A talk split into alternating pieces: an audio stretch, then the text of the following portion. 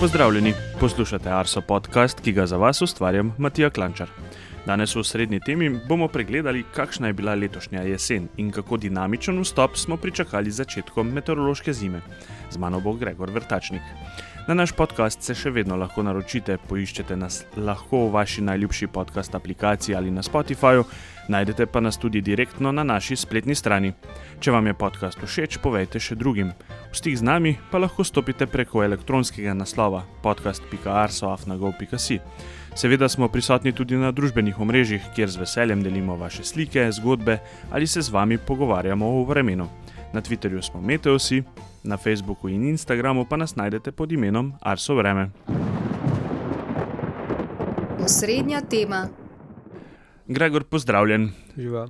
Kot sem že v uvodu povedal, se bova danes pogovarjala o pravkar končani jeseni. Prav tako se bo, bova pogledala, kako buren je bil vstop v meteorološko zimo. Pa najprej k pravkar končani, uh, končanemu letnemu času, torej letošnji jeseni, kakšna je bila na kratko v tistih prvih. Uh, Kako ocenjujete, ko pripravljate te podnebne analize in poročila po koncu meseca, kaj bi lahko rekel? Meteorološka jesen je bila podobno kot poletje zelo nenavadna. Neke res podobne jeseni doslej še nismo imeli. Uh, jesen, meteorološka jesen se sicer začne s 1. septembrom in konča s 30. novembrom, tako da je zdaj smo nekaj dni v meteorološki zimi in lahko že povemo kar precej dobro o tem, kakšna je bila letošnja meteorološka jesen v Sloveniji. Bila je daleč najtoplejša doslej, dve stopinji in pol toplejša od referenčnega obdobja, ki je od 1991 do 2020, in skoraj za eno stopinjo toplejša od prejšnje najtoplejše jeseni, leta 2006. Pričemer sta levji delež za tako velik odklon letos nosila oktober in september, ki sta bila izjemno topla. In na koncu je bil odklon po celi Sloveniji približno dve stopinji in pol, le na severozahodu je bil nekoliko nižji, na majhnih območjih v notranjosti Slovenije pa tudi nekoliko višji od te številke. Zanimivo pa je, da pri tako zelo velikem odklonu temperature so bile pa padavine, gledano na celo Slovenijo, pa čisto običajne. Res je pa, da so bile velike razlike, ne, kot je običajno v toplih jesenih, ki so večinoma posledica dotoka, prevladujočega dotoka tople zračne mase iznad Sredozemlja ali pa iznad Atlantika, imamo več padavin v zahodni Sloveniji in manj v vzhodni in tudi tokrat je bilo tako. Še posebej veliko dežja smo imeli v Julijskih Alpah, na Voglu je padlo več kot dva tisoč sto milimetrov padavin, kar je skoraj dve tretjini običajnega letnega, običajne letne vsote in pa več kot šestdeset odstotkov nad normalno vrednostjo. Drugod je bilo padavin bistveno manj, večinoma pod tisoč milimetrov. precej malo padavin, zanimivo, je bilo po severovzhodni Sloveniji, ponekod celo manj kot šestdeset odstotkov običajne količine, tako da na severovzhodu lahko govorimo suhi in pa zelo topli jeseni, medtem ko v severozahodni Sloveniji po zelo namočeni in pa še vedno zelo topli jeseni. Sonce je bilo tudi nekoliko presenetljivo glede na zmerno količino padavin pa, sonca je bilo zelo veliko, zlasti v vzhodni Sloveniji, kjer ga je bilo za tretjino oziroma četrtino več kot običajno. Na državni ravni štiriindvajset odstotkov nad normalno vrednostjo, in to je peta najbolj sončna jesen v zadnjih šestdesetih letih. In je, zaostaja samo za nekaj odstotnih točk recimo za rekordno jesenjo leta tisoč devetsto šestinosemdeset. Na drugi strani te lestvice kot zanimivost imamo pa jesen tisoč devetsto triindevetdeset, ko je bilo sonca samo sedemdeset odstotkov, običajne vrednosti. Se pravi, med najbolj sončno in pa najmanj sončno jesenjo je skoraj ena proti dva, razmerje. No, če se dotaknemo še snega, snega je bilo po nižinah zares malo ali nič. Pravzaprav ni omembe vredno. Šele na nadmorsko višino okrog tisoč metrov je bilo nekaj malega snega novembra, bolj običajne razmere, pa še to samo v prvi polovici novembra, so bile pa v, najvišjih delih visokogorja, tam na dva tisoč dvesto, dva tisoč tristo metrih, kjer je bilo snega tudi okrog pol metra, vendar ga pa pol do konca novembra ni več kaj dosti zapadlo, tako da so tudi na Kredarici snežne razmere bile konec novembra podpovprečne. So se pa zelo, zelo popravile z tem zadnjim padavinskim dogodkom, ko je zapadlo več kot en meter snega in so zdaj pa razmere v, v najvišjih delih visokogorja celo nadpovprečne za začetek decembra. Ja, trenutno je na Kredarici okoli 2 metra snega, pa verjetno še v naslednjih dneh pri kakšnih padavinah uh, se še za kakšen centimeter Mogoče, ja. odebeli. Ja. Um, torej, če sva sedaj na kratko pogledala, kakšne so razmere v Sloveniji, uh, me pa zanima, kakšen pa v bistvu smo beležili, kakšne ekstremne dogodke v jeseni, letošnji jeseni, tudi po svetu. Ja, svet je bil, glede na to, da je, bila, da je bilo po svetu tako kot v Sloveniji, no sicer to ni pravilo, ampak tudi na svetovni ravni je bila letošnja jesen rekordno topla in to z naskokom. Vsi, tri, vsi trije meseci meteorološke jeseni so bili po svetu rekordno topli. Uh, in samo redka območja so imela podpovprečno toplo vreme, oziroma dokaj hladno. Recimo eno tako je manjše območje na severu Evrope, zlasti Skandinaviji, kjer so bila oktober pa november precej hladna in je bilo že kar zgodaj zelo hladno. Na drugi strani smo pa imeli območja, zlasti od Severne Afrike do uh, pa večine Azije, kjer je bilo zelo toplo, potem Brazilija, Avstralija, večji del Arktike je tudi izjemno topla jesen. In na globalni ravni je bila letošnja jesen več kot eno stopinjo in pol nad tistim referenčnim povprečjem za, za te podnebne dogovore, uh, ki je zdaj druga polovica 19. stoletja. To pomeni, da je bila ta jesen uh, nekaj, kar bi pričakovali v recimo kakšnih dve do tri desetletji kot normalno topla jesen. Hkrati je pa eden od teh opomnikov, da da ta cela pet stopinje je pravzaprav že na dosegu roke in je samo še vprašanje let, mogoče dveh desetletij, ko jo bomo dosegli to mejo. Uh, k letošnjim zelo toplim razmeram jeseni, pa tudi prej poleti, je pa na globalni ravni zelo prispeval El Niño, ki se je jeseni še ukrepil in zdaj imamo kar močen El Niño, je med najmočnejšim v zadnjih stoletjih in bo predvidoma vztrajal do, vsaj do zgodnje pomladi. No in seveda pri vseh teh visokih povprečjih ni presenetljivo, da smo zabeležili tudi veliko število vročinskih ali pa temperaturnih rekordov na tej topli strani. Tega je bilo zelo veliko, zlasti v, v Aziji pa v Južni Ameriki v zadnjih mesecih. Recimo 5. novembra so v Rio de Janeiro Braziliji izmerili 42 stopinj in pol, kar je nov temperaturni rekord. Potem so se pa, če so bili v septembra pa oktobra te ekstremi, temperaturni ekstremi zelo pogosti tudi pri nas, pa drugje po Evropi, uh, so se pa potem novembra preselili bolj v Afriko, uh, južni, srednji del Azije in pa Južno Ameriko. Uh, nekaj številk bom izpostavil tako samo za ilustracijo. V kraju Serketabat v Turkmenistanu je bilo 21. novembra najnižja temperatura, se pravi celi noči, 20,4 stopinje Celzija, kar je za tisto postajo najvišja, najvišja vrednost od 12. septembra katerega koli leta naprej. To je bil izjemen rekord. Ne. To pomeni, da je konec novembra je padel rekord, bi bil, bi, je bil dosežen rekord, ki je podaril vse, kar so do zdaj izmerili tam konec septembra in to na geografski širini, ki je dokaj podobna tisti, na kateri leži Slovenija. Potem so nekaj dni kasneje v Južni Afriki s skoraj 47 stopinjami Celzija izmerili nov afriški rekord za, za november.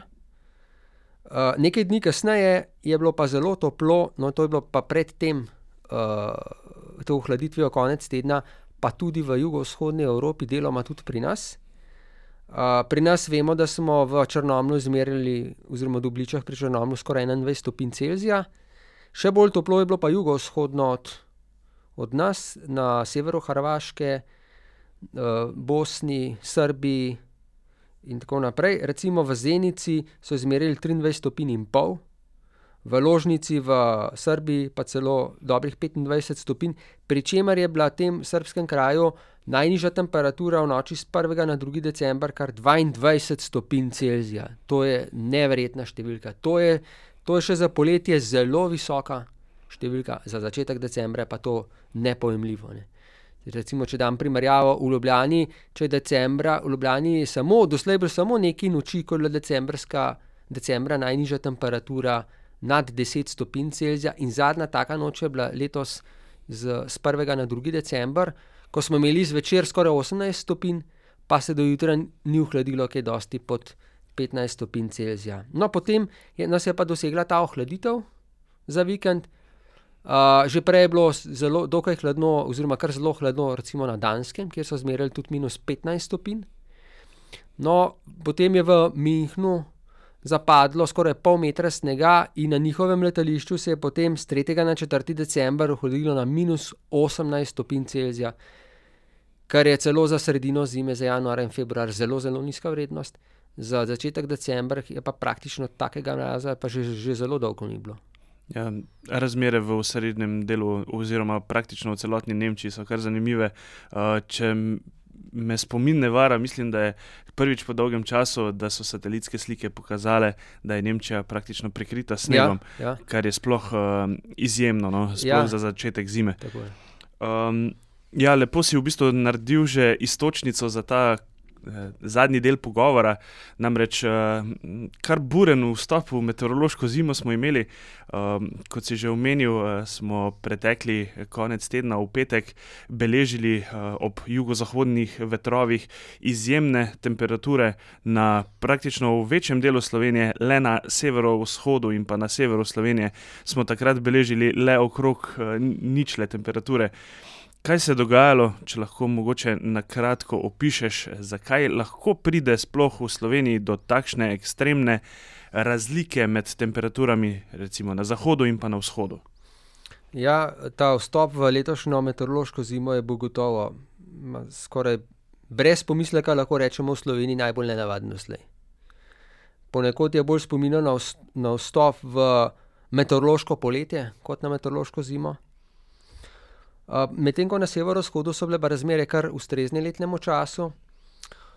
Do tega je pa prišlo zaradi tega, ker je približno teden dni nazaj srednjo Evropo pa tudi del vzhodne Evrope preplavil precej hladen zrak, ki je bil povezan tudi s prehodom zelo izrazitega ciklona, ki je nastal nad Črnim morjem in se potem pomikal prek Ukrajine proti Finski.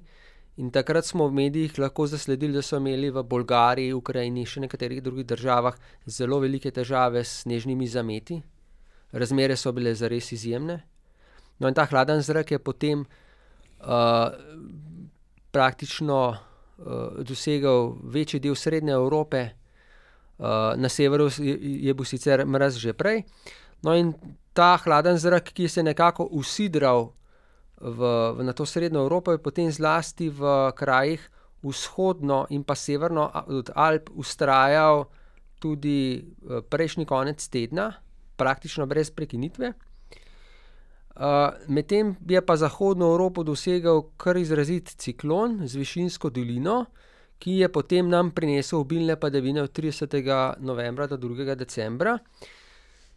čeprav je pihal kar močen jugozahodnik v višinah, ki je ponekod povzročil tudi nekaj gmotne škode, pa, ni pihal dovolj dolgo časa, da bi izrinil ves hladni zrak iz vzhodne Slovenije, ne. To mu je nekako uspelo, temu vetru, uspelo nekako tam do Trojan oziroma še to ne, pa približno nekje do, Novomeške kotline oziroma malce južneje, medtem so bili pa kraji vzhodno in pa severno od te linije bolj ali manj, no, z nekaj izjemami, neprepihani in so ostali v tej hladni zračni masi, ki sem jo prej omenjal, in tam je bila temperatura zraka večino časa malenkost nad ničlo, mogoče tja do pet stopinj Celzija.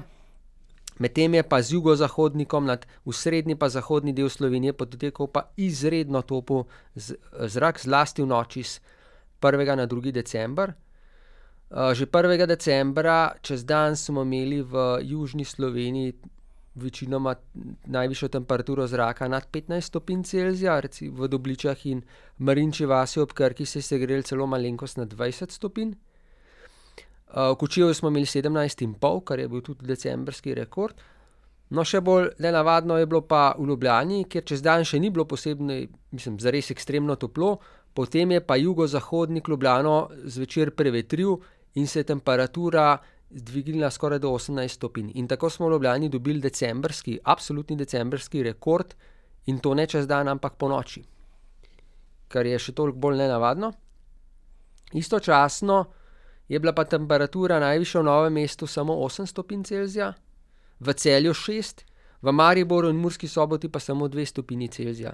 Tako smo imeli med Dobličami v Beli krajini in Mursko Soboto osemnajst stopinj in pol razlike v, v najvišji temperaturi, in to je največja razlika kadarkoli, na katerikoli dan doslej v zadnjih sedemdesetih letih in tako z precej več od prejšnjih rekordnih vrednosti. Doslej smo imeli samo nekaj dni, ko je bila ta razlika okrog petnajst stopinj, nikoli pa ni bila tako velika. zanimivo pa tudi v nekaterih dolinah, ki so tako deloma zaščitene pred jugozahodnim vetrom, deloma pa tudi ne, to zlasti velja za severno Slovenijo, so bile temperaturne razlike zelo velike na majhnih razdaljah. Najbolj zanimivo je bilo v Mežiški dolini, kjer je na, začasni merilni postaji v Črni na Koroškem bilo sredi noči, v noči s prvega na drugi december petnajst stopinj Celzija, v Mežici samo še samo šest stopinj, potem pa temperatura padala proti Slovenj Gradcu, v, v Ravnah je bilo oziroma na Ravnah štiri stopinje, v Slovenj Gradcu oziroma Šmartnem celo manj kot štiri stopinje Celzija, potem proti Mariboru pa temperatura še naprej padala. Tako smo imeli znotraj ene same doline temperaturno razliko več kot deset stopinj Celzija. Tudi recimo v Logarski dolini se je segrelo na petnajst stopinj, pa kot sem omenil prej, Celje je imelo samo šest stopinj Celzija, ne. Pa v Bohinjski Češnici je bilo petnajst stopinj in pol, je tja je tudi segel jugozahodni veter, v Bovcu smo imeli šestnajst stopinj. Tako da vse te doline alpske, ki so imele, ki so bile dobro prevetrene, so bile izredno tople v noči s prvega na drugi december, nižinski kraji na vzhodu so bili pa zelo hladni. No, in kar je, in zdaj če gledamo v preteklost, ne, kdaj smo imeli podobne dogodke, teh v resnici ni bilo veliko. Takih, mislim, podobnih. Ker je, ker je ta razlika zdaj bila res zelo velika. Zadnji tak, ki je še nekako primerljiv s tem zdaj, je bil tretjega decembra dva tisoč enajst, ko smo imeli v Celju in Dobličah sedemnajst stopinj Celzija, v Ljubljani trinajst stopinj, na Obali okrog petnajst stopinj, medtem pa je bilo v Mariboru in Murski Soboti samo štiri oziroma tri stopinje Celzija. In tudi takrat je bila to posledica zahodnega oziroma jugozahodnega vetra, ki ni uspel prevetriti cele Slovenije. Kar se je pa recimo zgodilo ob, sredi decembra tisoč devetsto devetinosemdeset, ko smo imeli pa doslej najmočnejši tak val, val toplega vremena decembra. In sicer je bila to posledica zelo dolgega obdobja, ciklonov, ki so potovali iznad severnega Atlantika čez srednjo Evropo in je nad nami en teden, več kot en teden vztrajal jugozahodni, zračni tok. In takrat smo izmerili tudi, večinoma decembrske rekorde, ko je bilo ob meji s Hrvaško, ob vzhodni meji s Hrvaško od Doblič do Lendave dvajset ali enaindvajset stopinj Celzija. V Celju je bilo takrat dvajset stopinj, v Ljubljani je bil takrat dosežen prejšnji decembrski rekord oziroma, no, takrat je bil decembrski rekord, to je bilo šestnajst stopinj Celzija, v Portorožu je bilo sedemnajst stopinj, toplo je bilo pa tudi v višjih legah pa tudi v alpskih dolinah, recimo v Ratečah trinajst in pol, kar je več kot letos. V Ravnah na Koroškem je bilo osemnajst stopinj in na Kredarici je bilo takrat decembra leta devetinosemdeset tudi nič stopinj, kar je praktično isto kot zdaj. kar je pa bistvena razlika med tisto situacijo in pa zdajšnjo, je pa ta, da je takrat jugozahodnik pihal več dni zapored in je uspel hladen zrak, ki je bil pred tem prisoten, izpihati iz cele Slovenije in zaradi tega je bilo povsod takrat zelo toplo. Letos je pihalo premalo časa, da bi pripihalo, severovzhodno Slovenijo. No, mogoče je za dodati tukaj še, da je pa tej, temu zelo toplemu vremenu konec novembra, začetku decembra pa takoj sledila ohladitev, ki je bila pa seveda najbolj izrazita v zahodni in osrednji Sloveniji, kjer je bilo tam prej tako zelo toplo. In tako smo recimo v Novi vasi na Blokah, kjer je bilo še s tridesetega novembra na prvi december pa s prvega na drugi december ponoči tudi več kot dvanajst ali celo trinajst stopinj, smo imeli pa, v ponedeljek zjutraj minus dvajset stopinj, se pravi za več kot trideset stopinj razlike je bilo v, v tej jutranjih, v jutranji temperaturi, pri čemer je bilo to samo 3-4 dni razlike. Ne. To je zelo velika sprememba.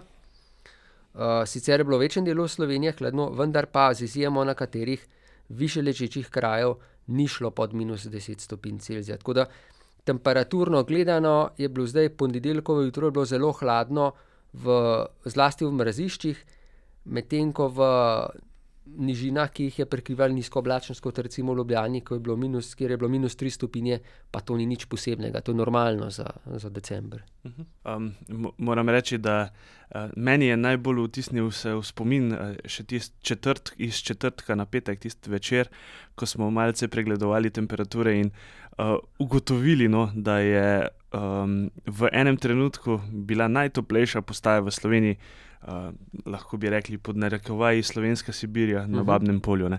Tako da ja, je res zanimiv in dinamičen vstop v letošnjo meteorološko zimo. Uh, z veseljem oziroma z zanimanjem bomo spremljali, kaj se bo z vremenom in pa s podnebjem dogajalo tudi v letošnji zimi. In jaz verjamem, da se bova znova srečala pa potem že v naslednjem letu, uh, koledarskem, ko bova malce pregledala kakšna zima nas bo uh, razveselila ali pa razžalostila letos. Gregor, spet najlepša hvala za tvoj obisk v podkastu. Veliko zanimivih podatkov vedno navržeš, uh, ki dajo predvsem misliti, in uh, ja, verjamem, da se bomo znova spet slišala. Ja, hvala za bilo. Hvala pa tudi vam, drage poslušalke in poslušalci. To je bila 111. epizoda Arso podcasta. Če vam je bila všeč, nam pustite kakšen komentar. Želim vam čim več lepega vremena in se slišimo čez 14 dni.